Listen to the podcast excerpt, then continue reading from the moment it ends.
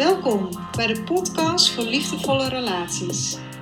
Mijn naam is Claudia Krumme. Ik ben oprichter van Counseling Center Changes en ik begeleid mannen en vrouwen bij het loskomen van verslavende relaties, verlatingsangst, bindingsangst en codependency. Goedemorgen allemaal, welkom bij mijn zondagochtend wekelijkse podcast. Ik ehm, wil deze week de vraag beantwoorden van Marianne. Het is een vraag die vaak voorkomt en die ik ook meestal in mijn webinar uh, behandel. Het is de vraag: kan ik aan mijn herstel werken? Kan ik hè, met mijn innerlijk kind mijn oude wonden helen in een relatie? En heeft de relatie dan toekomst? Of moet ik uit de relatie stappen en zelfstandig aan mijn innerlijk kind en aan mijn oude wonden werken? Um, en heeft dat meer kans van slagen? En eigenlijk is dat een vraag um, waar ik geen antwoord op kan geven, omdat ik te weinig weet van je situatie, Marjan. Want het kan namelijk allebei.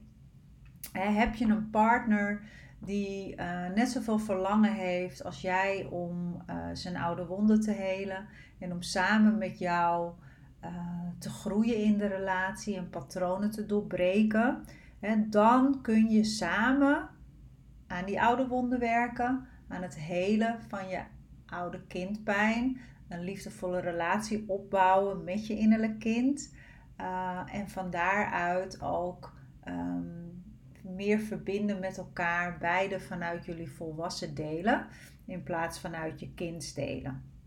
Heb je een partner, wat in de meeste gevallen natuurlijk zo is als uh, mensen geïnteresseerd zijn in deze thematiek, uh, heb je een partner die dus minder zelfreflectief is en niet dat verlangen heeft om uh, emotioneel te groeien en oude wonden te helen, um, dan wordt het een stukje moeilijker.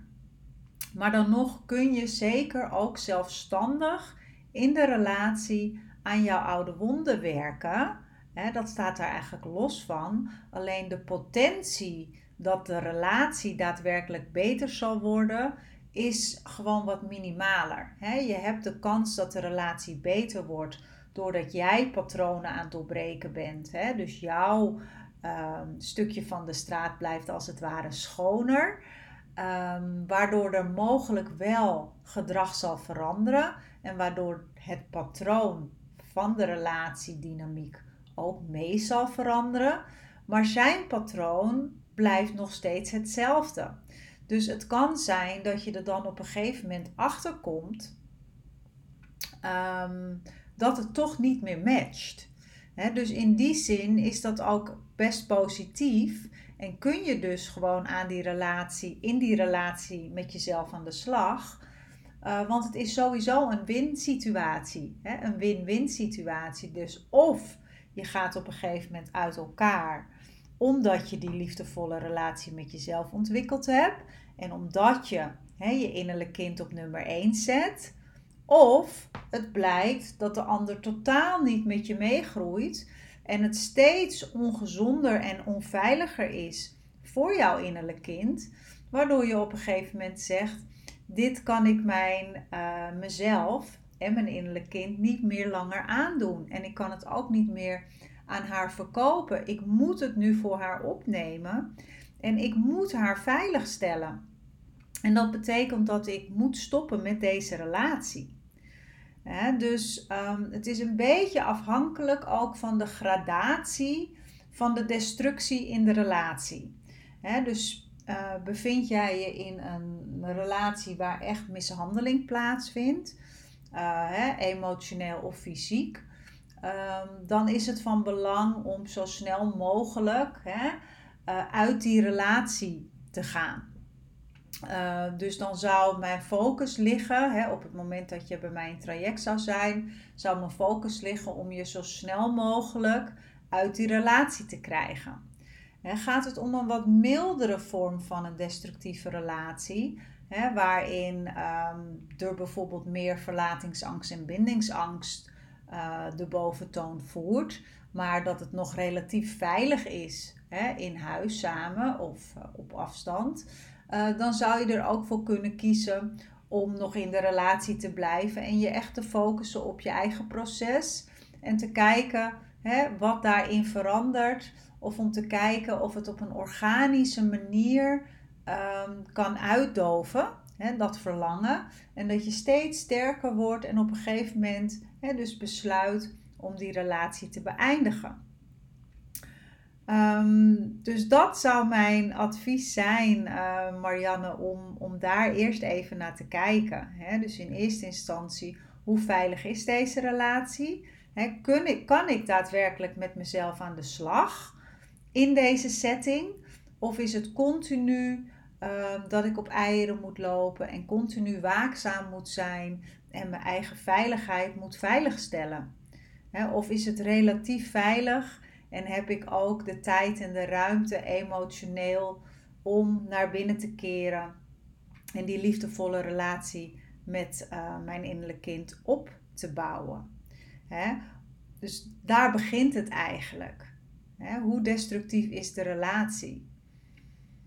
Dus ik hoop dat je daar iets aan hebt, Marjan. En ieder ander die op dit moment hè, in een relatie verkeert en zich afvraagt of het mogelijk is om uh, aan zichzelf te werken in een destructieve relatie.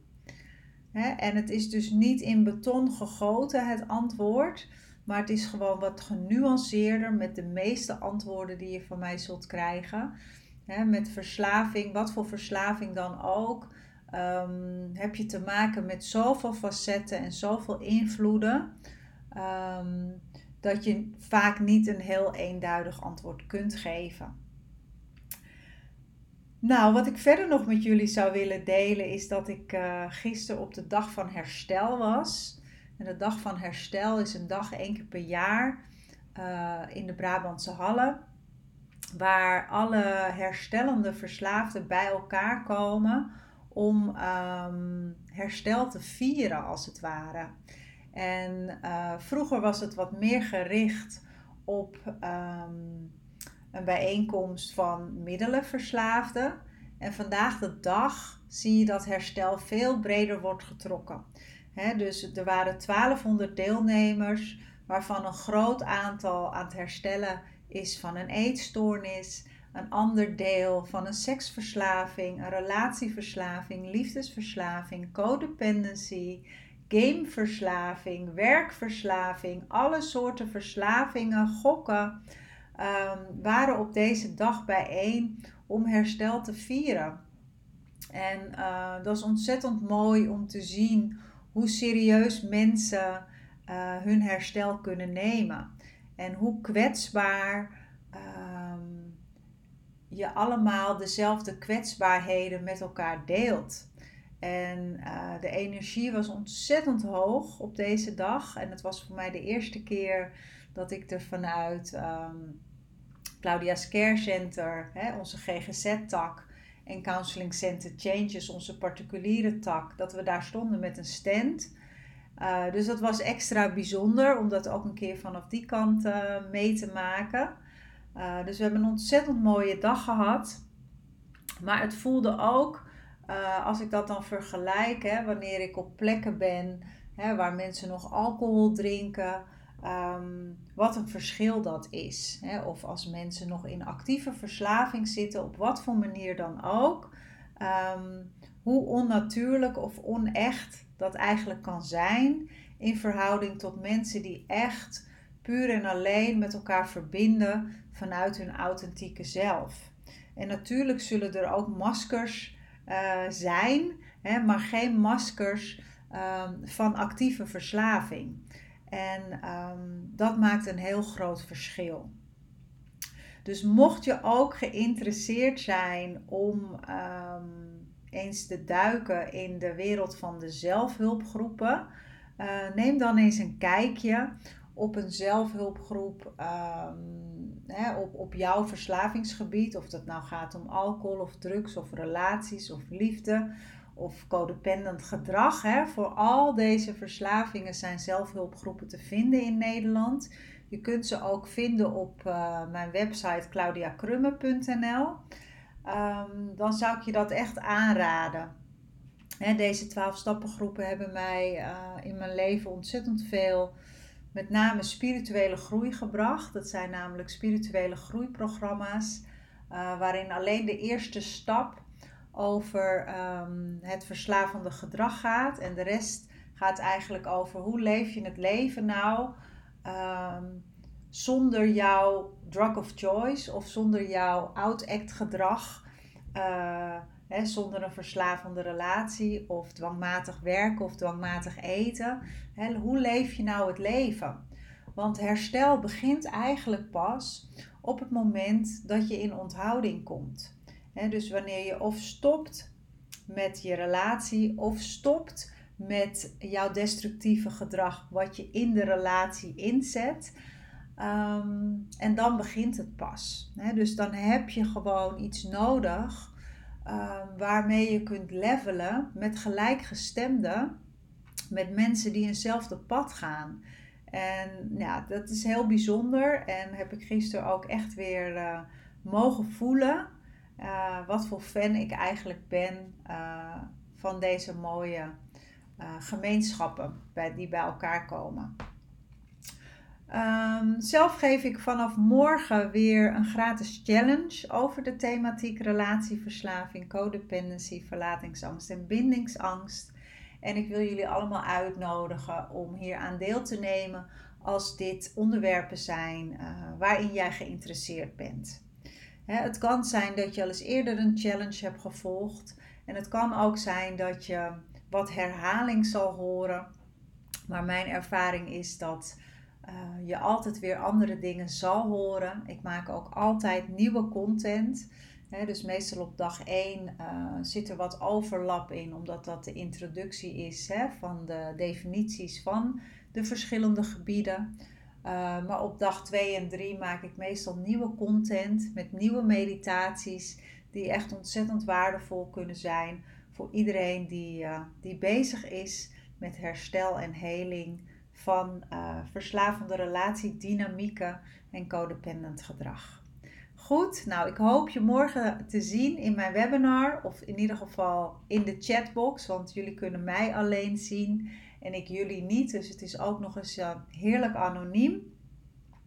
Uh, en mocht je vragen hebben, stel ze gerust, stuur me even een mailtje.